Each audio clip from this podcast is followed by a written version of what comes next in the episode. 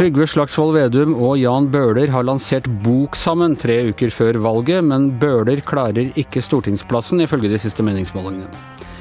Og tilbake i klemma. Klemmingen brer om seg mens smittetallene stiger. Dette er Gjever og gjengen. Det er mandag den 23. august. Ja, det har vært pressekonferanse langt oppe i Groruddalen i dag, eh, hvor eh, Groruddalens store sønn Jan Bøhler og Senterpartiets leder Trygve Slagsvold Vedum har lansert bok sammen, og vi har et lite klipp her. Det var hyggelig at det så mange har kommet. Det er jo, eh, det er jo Dere er på Grorud, ikke sant? Her er Grorudbanen, det er viktig kamp i kveld, og det er mitt eh, kjerneområde. Spilt fotball her siden jeg var fem år og er i styret og sånn ja, øh, Astrid, du er ute der hvor verdiene skapes, så du var ikke til stede på pressekonferansen i dag, men du har lest deler av boka? Ja, Anders, her er det skurtresking som gjelder. Har ikke tid til å være inne i Oslo da. Har ikke tid til å sitte her og drikke kaffe latte, da. Men jeg rakk å lese litt mens det var pause, da. Ja. Og hva, Kan du bare i korthet si hva liksom boka dreier seg om? Ja, Det er jo Trygve og Jan som uh, har en skikkelig bromance, altså. De har sittet sammen på Stortinget i nesten 20 år, og det viser seg at de har likt hverandre kjempegodt og beundra hverandre og tenkt eh, på hverandre i alle de her åra. Men eh, det var først nå i forfjor altså, at eh, Jan Bøhler skjønte at det var i Senterpartiet han hørte til. ifølge Trygve Slagsvold Vedum så skjønte han det lenge før Bøhler fikk problemer med nominasjon, nominasjon i Arbeiderpartiet i fjor. da. Altså Vedum skjønte det før Bøhler skjønte det, eller var det Ja, De skulle i hvert fall ha skjønt det tidligere. Det er det eneste som er trist med den fantastiske historien her. De er nemlig to karer som har skjønt det. De brenner for sakene. De snakker med folk flest. De sykler rundt, særlig Bøhler, da, med sykkelhjelmen sin og snakker med folk i rusmiljøet, folk i Groruddalen, og eh, har eh, eh, Hva heter det? De er i kontakt med folk flest, da. Gjør, gjør, Vedum også dette, eller er det Bøhler som gjør det? Nei, begge to gjør det. Det er deres metode som er riktig. Eh, det er folk som har ekte liv, da, sånn som dem, og de er fra ekte plasser. Um, sånn at de eh, har skjønt det. Eh, og de har beundra hver sin metode i alle de her åra her, da. Så ser jeg bare av overskriften at Bøhler skriver en del negativt om sitt tidligere parti, Arbeiderpartiet, som han var med i 30 år etter at han hadde vært med i AKP-ML. Eh, hva er det han kritiserer partiet for? Jo, altså, Trygve og Jan de minner meg litt om de der Statler og Woldorf i Muppet Show. De skryter av alt som er gammelt. Uh, uh, ja, det kan jo være Håkon Lie, eh, Per Borten, eh, gjenoppbyggingsplanen for Nord-Norge etter krigen. Men de er fryktelig sur på ungdommene som er broilere. På PR-folk, på Jens Stoltenberg, på Tony Blair og særlig på New Public Management. Da. Er det en morsom bok? Er den gøy å lese? Eh, nei, det er jo um, en slags uh, blanding av politikk og sjølskryt. De har jo løst det på den gode gammeldagse måten at de skryter av hverandre, sånn at det ikke skal virke som sjølskryt, men det er jo mye sjølskryt her. Og så er det en eh, god del om hjertesakene, særlig til Jan Bøhler, om NRK i Groruddalen, om lokk over uh, trafikk over uh, veien oppi der, om integrering, selvfølgelig, og de tingene som han har holdt på med i mange år. Og Trygve Slagsvold Vedum han har jo skrevet noen kapittel, han, og der det er tatt inn gamle taler som han har holdt, og der handler det selvfølgelig om, om det samme, om å være nær folk. Vi er jo midt i terningkastsesongen for oss uh, som sysler med politikk uh, og presse. Uh, hvilke terningkast vil du gi boka? Jeg har ikke tenkt på det, men siden du utfordrer meg, så må jeg vel bare ta den, da. Jeg vil si tre, kanskje. Terningkast tre. Ok, tusen takk skal du ha, Astrid. Tone Sofie Aglen, da, da Bøhler gikk til Senterpartiet i, var det i oktober i fjor, i fjor høst en gang i hvert fall? Eh, så virket jo Altså, det var midt under eh, Eller i innspurten av oppturen til, til Senterpartiet. Eh, og det, det, virket som om det var liksom virkelig nå faller bymuren, og Senterpartiet velter inn over hovedstaden. Barbarene står ved porten. Men på de siste meningsmålingene så uh, har det gått uh, ganske ja, gått dårligere med Senterpartiet generelt. og, og Særlig da i Oslo. Jeg mener de fikk rundt 3 eh, på vår måling, og enda mindre på en eh, jeg så i Dagsavisen. Prøver du å stille spørsmål om det er en sammenheng her? Eh, ja, ja jeg prøver, altså, det er i hvert fall Det har ikke virket veldig positivt den siste tiden. Nei, eh, og jeg har vel sett analyser i Avisa Oslo om at uh, Senterpartiets eh, nedtur begynte da Bøhler ble verva. Jeg tror vel at det er en analyse som er mer underholdende enn den er riktig. Det er da vår, vår, gamle venn Eirik Mosveen som, som ja. er politisk redaktør i Avisa Oslo. Men det jeg tror er et veldig godt bilde på, er uh, hva av Senterpartiets vekst som er solid, og hva som er litt mer sånn hva skal man si eh, Det som har kommet litt sånn lett, da, for det er jo alltid sånn at når ting snur, så er det de minst trofaste velgerne som eh, faller fra først. Og for Senterpartiet så har jo det vært en strategi eh, Skulle du ha sjanse om å bli stor, så holder det liksom ikke å ha 90% oppslutning i alle verdens småkommuner. De er nødt til å gjøre det bedre, og vi så veldig lenge at de har gjort det ganske mye bedre i en del av disse mindre byene og sånn mellomstore kommuner rundt omkring i landet. Så så vi liksom nå i sluttfasen at du fikk det store gjennombruddet f.eks. i Oslo. Og det betyr jo veldig mye for valgoppslutninga, fordi det bor så mye folk der. Og Særlig hvis du hadde fått Groruddalen. Det er jo en pinjata av en uh, velgermasse som, som, holder til der. Absolutt. Og jeg tror nok at det er en del av den Senterpartistrategien å bli et uh, et parti også for uh, hva skal man kalle det, folk i, i byene. At, at, den er litt sånn skjør, da. Så jeg er ikke overraska om at det er kanskje det som faller ifra først. Eh, ne, altså bystemmen, ja. Eller eh, Oslo-stemmen. Ja, i hvert fall den massive. Og, og Jan Bøhler har jo vært en, eh, en type politiker som passa veldig godt inn i det bildet. Fikk veldig mye oppmerksomhet. Men det viser jo kanskje litt at det var vel ikke like mye hurra meg rundt-stemning rundt den boklanseringa i dag. Og det er også et uttrykk for at de fikk jo veldig mye oppmerksomhet i vår. Hatt mange presseoppslag sammen i Groruddalen. Og det er litt sånn det å kjøre dieselbil på Tøyentorget og sånn? ja, ja, det har vært en del sånne ting. Og det, liksom, det viser i i, i politikken nå. At liksom, vi har sett og hørt det her en stund. Det, det hadde kanskje fungert bedre som valgkampstunt enn boka for noen måneder siden. Ja, Hanne Skartveit fra Manglerud, hvordan har du kunnet svikte Senterpartiet nå i det avgjørende øyeblikk? Nei, Det satt langt inne, gitt. Jeg er usikker på om de sto veldig sterkt på Manglerud. Eh, Jan Bøhler har heller aldri vært noe stor mann der, tror jeg. Men han har, vært, eh, han har, et, eh, han har jo eh, tyngde og troverdighet blant velgere i Groruddalen. Et ganske nært forhold til mange av dem. Og det har jo var ikke noe tvil om at Arbeiderpartiet mista noe når, når, han gikk til Senterpartiet? Ja, han har i hvert fall hatt et veldig sterkt bilde av at han har vært Groruddalens mann. Men jeg er usikker Han har hatt et bilde, er det sånn? Han, han har, skapt, et bilde, av, han har skapt et bilde av det. Ja. Og hvis du ser på tallene, så er jeg litt usikker på i hvilken grad det har gitt utslag i Groruddalen. Om han måtte ha skåra høyere der enn andre steder i Oslo, hvor han ikke hører hjemme. Det kunne jeg godt likt å gått mer inn i tallene på. Det jeg har hørt så langt, er at det er ikke gitt at han har dratt veldig mange ekstravelgere i Groruddalen. Men det har vært imaget hans. Han har hatt disse Groruddal-låtene eh, en sang hvert år. Eh, altså har, så jeg tror Trygve Slagsvold Vedum og Senterpartiet håpa på mer dragkraft for han enn det de faktisk ser ut til å ha fått. Men hva tror du skjer med Senterpartiet nå? Du har jo tidligere sagt at du har vært glad for at den populistbølgen som eh, går over verden, på en måte har fått utslag i, i Senterpartiet. Eh, her i Norge. Og hvis, altså, skal ikke forskuttere valgresultatet, men det ser, ut som, det ser ut som det ikke er noen enkeltmålinger, men en trend. Uh, og hvis populismen glipper for Senterpartiet, hvor går den da?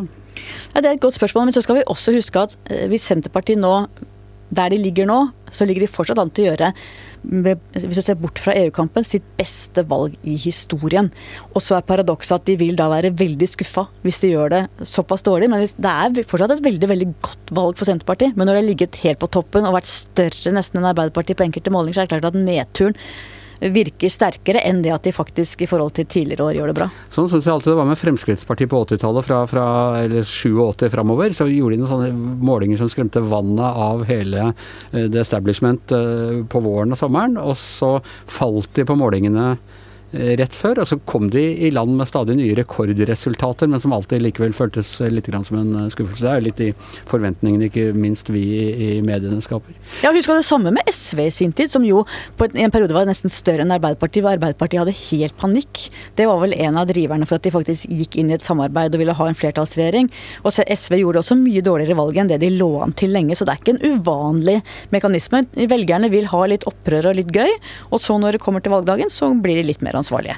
Men uh, Tone Sofie, hva, altså, en ting er Senterpartiet, hva får dette å si for uh, den eventuelle, en eventuell maktovertakelse? Altså, det har jo vært Arbeiderpartiet og uh, Senterpartiet som liksom har vært de som skulle overta. Altså, har vært usikkert om SV skulle få lov til å bli med, eller og hvem som skal få være støttepartier. Men hvis Senterpartiet svekkes kraftig nå, hva, hva skjer da med den konstellasjonen? Nei, Det ser vi jo allerede at det har endra litt av dynamikken i valgkampen. For eh, Senterpartiet har jo med stor frimodighet kunnet eh, oversett SV overhodet ikke forholdt seg til eh, Rødt og MDGs eksistens.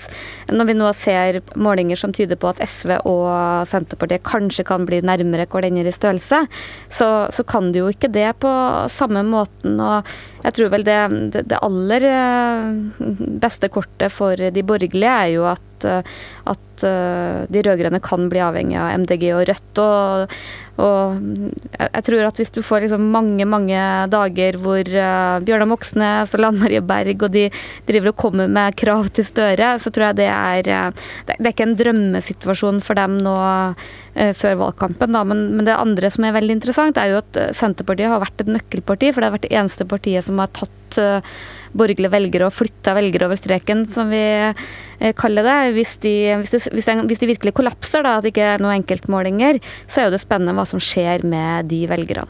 Det var snakk om at uh, Sylvi Listhaug hadde begynt å snakke om de venstre-radikale sosialistene. Uh, så Det kan jo være bra for f.eks. Fremskrittspartiet. De har jo tapt mye, mye, til Senterpartiet, og de kan vel kanskje hente noen velgere hjem nå? Ja, jeg tror nok at de har Jeg skal ikke si at det er et momentum, men at de kanskje kan berge stumpene mer enn uh, man kanskje hadde trodd. For du får klimasaken mye tydeligere, hvor hvor eh, Senterpartiets største problem der er jo at de ikke har sakseierskap til den saken, mens Frp er nok et veldig sånn tydeligere sånn, litt sånn ikke antiklimaparti, da, så, så de, de, kan på en måte mobilisere på det. Og du har også litt andre saker, Afghanistan og andre ting, som kan eh, mobilisere mer for eh, Fremskrittspartiet. Så det, så det, er veldig spennende å se hvis man måtte miste litt sånn trua på, på Senterpartiet, om, om Frp og Høyre får tilbake en del av de velgerne.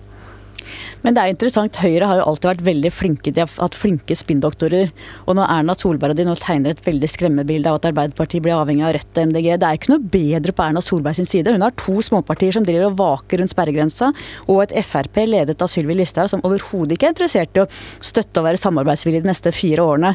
Eh, og man glemmer jo også at det vanlige Norge har vært mindretallsregjeringer. KrF har allerede sagt at de vil gjerne samarbeide eh, fra sak til sak på det de er enige om. sånn at det at du får en mindretallsregjering som kan manøvrere ulike veier, det er ikke noe annerledes egentlig på Støre sin side enn det er på Erna Solberg sin side, mens de jobber veldig hardt for å skape det bildet. Det, hva mener vi her i VG om mindretallsregjering kontra flertallsregjering for tida? Eh, jeg husker en periode at vi mente at eh, så lenge Bondevik holdt på med disse mindretallsregjeringene, at vi måtte få sterk, en sterk handlekraft i regjeringen og sånn. Og så så har vi vel eh, variert litt på det. Ja, Nå har vi jo sett at den Solberg-regjeringa har blitt fryktelig dyr, for hun har jo spurt alle uenigheter på sin side med mer penger. sånn at jeg tror ikke det har vært noe veldig bra for nasjonaløkonomien. Så nå vil vi ha handlekraftig flertallsregjering? Vi vil ha en ansvarlig regjering som ikke bruker for mye penger, og som tar vare på vårt forhold til Nato og Europa og ja, ja. alt dette. Ja. Skal, vi, skal vi be folk velge noe på lederplass? Nei, det gjør vi aldri. VG er helt. Eh, uavhengig. Det er vi alltid. Ja. Helt uavhengig, men ansvarlighet og Nato og så kan dere tenke sjæl der ute. Uh, ok, uh, nok om den saken. Uh, for denne gang. Vi skal til et litt mer, ikke kanskje jeg holdt på å si mindre alvorlig, men det er jo for så vidt alvorlig i det hele tatt. Altså, Smittetallene stiger. Det samme gjør klemminga i samfunnet. Hans Petter, vi var i Arendal i forrige uke. Det var den rene klemmefestivalen i, i Pollen der. Folk som ikke hadde sett hverandre på hele sommeren, og det så ut som de ikke hadde sett hverandre siden andre siden av pandemien og falt hverandre om halsen, som det heter? Ja, jeg vet ikke om det er beskrivelsen er helt riktig. Det var, det var, mange som falt hverandre om halsen, men det var veldig mye eh, rar klemming. Det var mye sånn ubehagelig klemming. Litt sånn Jens Stoltenberg og Trond Giske, ja?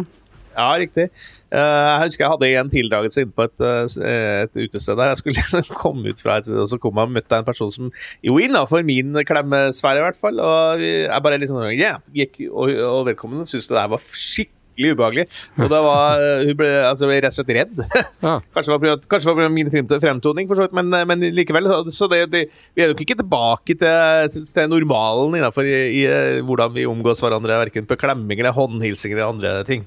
Men det klemmes litt? Det gjør det. Ja, ja, og det syns jeg er kjempefint. Jeg synes det, er, det er noe av det jeg savna mest. Det, å, å, gi en venn eller en, hvem det skal være, en, en klem. Jeg syns det er fint at vi er på i hvert fall noen, vi, vi, tilhører jo mange her da, den ferdigvaksinerte delen av befolkninga, og da syns jeg det er på tide å kunne gi hverandre en klem. Altså. Og da kan du eh, med din ekspertise i immunologi si at det er greit, vi kan klemme hverandre hvis vi har fått begge smellene? Ja, altså, ja, ja, selvfølgelig. Jeg er jo hobbyimmunolog, sånn som alle andre for tida. Men nei da, men, men det er en fin ting, da. Og, og, og jeg, jeg, merker sjøl at det, den terskelen for klemming for min del er ganske lav akkurat nå, men det, terskelen er veldig høy for en annen ting, nemlig å ta folk i hånda. Og, og det merker jeg var, på, var i Arendalsuka og på 50-årslag i helga nå.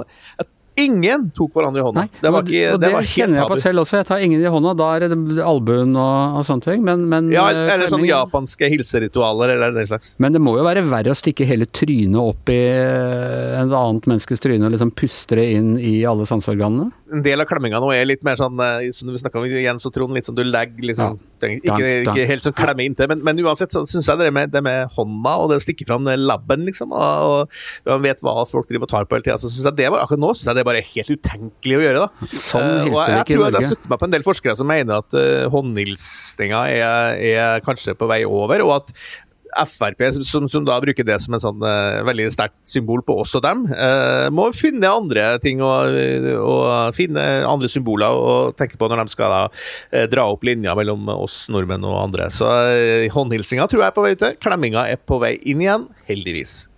ok, Tone Sofie, klemmer du? Uh, ja, klemme litt. De som vil klemme meg, klemmer jeg gjerne. Og jeg savna det veldig. Og jeg må innrømme at jeg savner også håndhilsinga, for jeg syns det er veldig kunstig å hilse på folk jeg ikke har møtt før uten å kunne ta i hånda. Men sånn, du kan ikke den der dunke albuen? Den dultinga syns jeg er så teit. Ha. Det er det dummeste jeg ser. Men uh, jeg må jo bare forholde meg til det. Hva med deg, Hanne? Jeg savner også håndhilsing. Det ligger så mye informasjon i et håndtrykk. Du merker om folk er slappfisker, eller om det er faste grep, om det er liksom tillitsvekkende. Jeg elsker å hilse i hånda, men jeg har ikke gjort på en stund. Men når hånden er uren?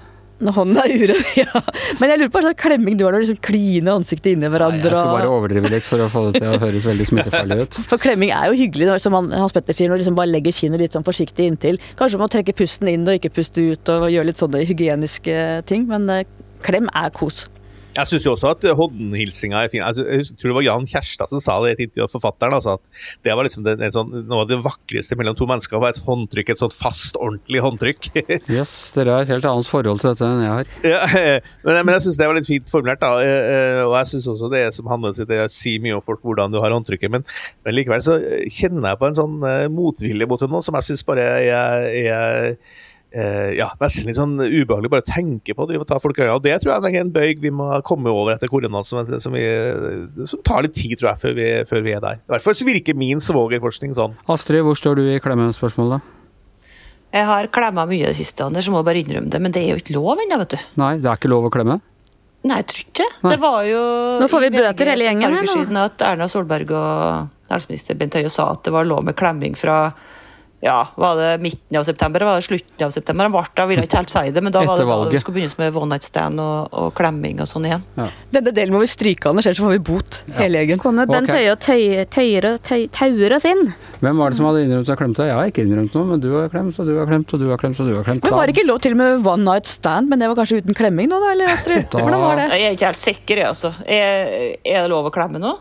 Under one night stand så er det lov til å gi hverandre en liten, rask sånn uh, franske kyss på hvert kinn. Uh, ok, jeg føler kanskje at vi nærmer oss slutten på, på ja.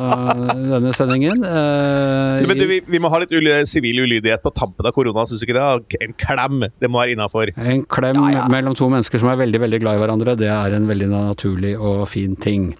Men tilfeldig klemming, det må vi være forsiktige med. Så har vi en annen nyhet. Vi skal, eh, Gjengen skal tilbake til eh, bakgården eh, på Grünerløkka, Torvald Meyers gate, nå på torsdag. Eh, da kommer eh, Kadafi Saman eh, fra TV 2, tidligere VG-medarbeider, men nå har han vært så lenge i TV 2 at vi må nesten kalle ham TV 2s Kadafi Saman, Hanne? Ja, han er fortsatt, jeg ser fortsatt på Kadafi som VG-mann. Ok, VG-mann, men altså ansatt i TV 2. Mm. Kadafi Saman. Og kanskje kommer Abid Raja, kulturministeren. Det er litt uklart, for han har hatt litt helseproblemer som det har stått om i avisen. men vi håper at han kommer også. Og så kommer du, og så kommer jeg, og så kommer Shazia Maid. Så Og vi gleder oss. Vi gleder oss veldig. Klokka 18 i eh, bakgården på Grünerløkka neste torsdag. Giæver og gjengen er over for i dag. Her i studio Tone Sofie Aglen og Hanne Skartveit. I hvert sitt hjemmestudio Astrid Mæland og Hans Petter Sjøli. Jeg heter Anders Giæver, og mannen som leder an i gruppeklemmen etter hver eneste sending, er vår produsent Magne Antonsen.